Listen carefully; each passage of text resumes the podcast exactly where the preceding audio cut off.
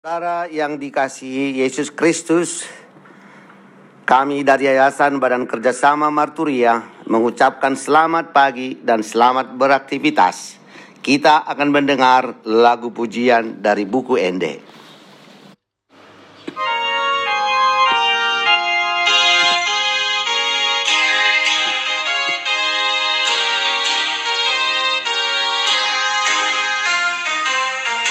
di paraloan au donganana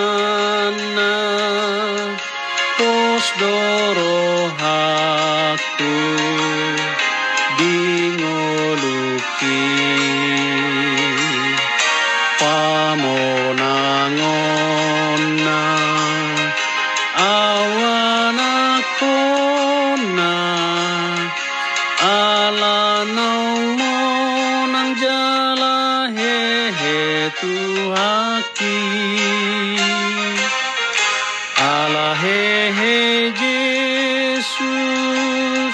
rodo arisogo mangolua. Dang mabiara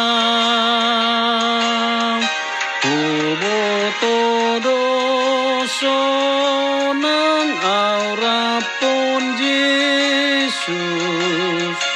Sonang maawalanang Yesus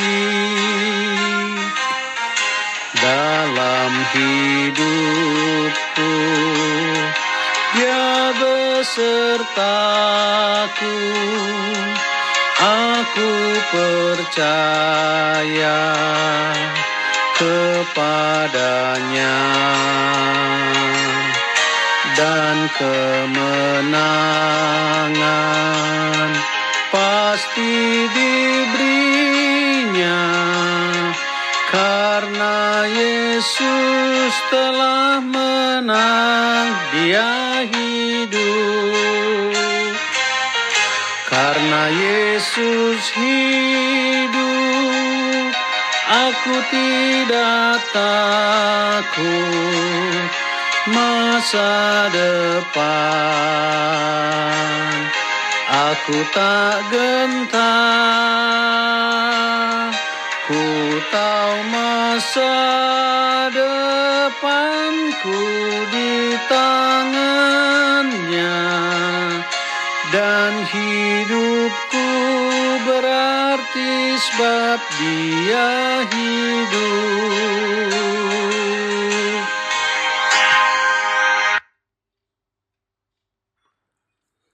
Saudaraku yang dikasihi Tuhan Yesus Kristus, sebelum kita mendengarkan firman Tuhan, mari kita berdoa. Allah Bapa di sorga yang kami sembah, yang kami puja dalam nama Yesus Kristus Tuhan dan Juru Selamat kami. Kami bersyukur atas kasih setia, penyertaan dan pemeliharaanmu. Kami Tuhan rindu mendengarkan firman-Mu. Berfirmanlah Engkau Bapa kami siap mendengar. Dalam nama Yesus Kristus kami berdoa dan bersyukur. Amin. Saudaraku yang dikasih Yesus Kristus, firman Tuhan yang akan kita renungkan pagi hari ini tertulis di dalam Yesaya pasal 56 ayat 8. Demikianlah firman Tuhan. Demikianlah firman Tuhan Allah yang menghimpun orang-orang Israel yang terbuang. Aku akan menghimpunkan orang kepadanya lagi sebagai tambahan kepada orang-orangnya yang telah terhimpun. Yesaya 60, 56 ayat 8 dengan tema kasih Tuhan yang melimpah. Saudaraku, kasih Tuhan selalu melimpah bagi kehidupan orang yang percaya kepadanya.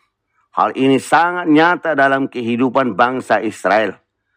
Walaupun mereka sering melakukan yang bertentangan dengan kehendaknya, namun kasihnya tidak pernah surut. Hal ini nyata dari firman Tuhan hari ini, yaitu Allah yang menghimpun orang-orang Israel yang terbuang. Ini mempunyai arti bahwa hukuman Tuhan telah berakhir akibat pelanggaran dan ketidaktaatan mereka kepada Tuhan. Mereka harus menerima pembuangan. Saudaraku yang kasih Kristus, pembuangan adalah salah satu cara Tuhan untuk menyadarkan manusia atas pelanggaran-pelanggaran yang dilakukan. Hal ini juga harus kita sadari bahwa Tuhan yang tidak membiarkan kita dalam perlakuan dan perbuatan yang jahat. Penghukuman bukanlah tindakan terakhir dari Tuhan, tetapi pembebasan dan penyelamatan. Allah akan menghimpun orang kepadanya lagi sebagai tambahan orang-orangnya yang telah terhimpun. Saudaraku, ini mempunyai arti bahwa kasih Tuhan bukan hanya bagi sekelompok orang, bukan hanya kepada bangsa Israel, atau bukan hanya bagi kita, tetapi juga kepada orang lain yang telah bertobat. Mereka akan terhimpun dalam kelompok orang yang sudah dibebaskan dan diselamatkan. Mereka patut kita terima sebagai saudara yang diselamatkan. Jika begitu besar kasih Tuhan bagi kita orang berdosa, maka Tuhan mengharapkan agar kita menjalin hubungan yang erat dengan Tuhan. Kita tetap setia mendengar dan melakukan firman-Nya. Kita mengasihi Tuhan dan sesama manusia kita menjadi saluran berkat. Mari kita berdoa. Ya Tuhan, kuatkan kami untuk memegang teguh akan kasih-Mu agar kami menjadi orang yang setia terhadap-Mu. Amin.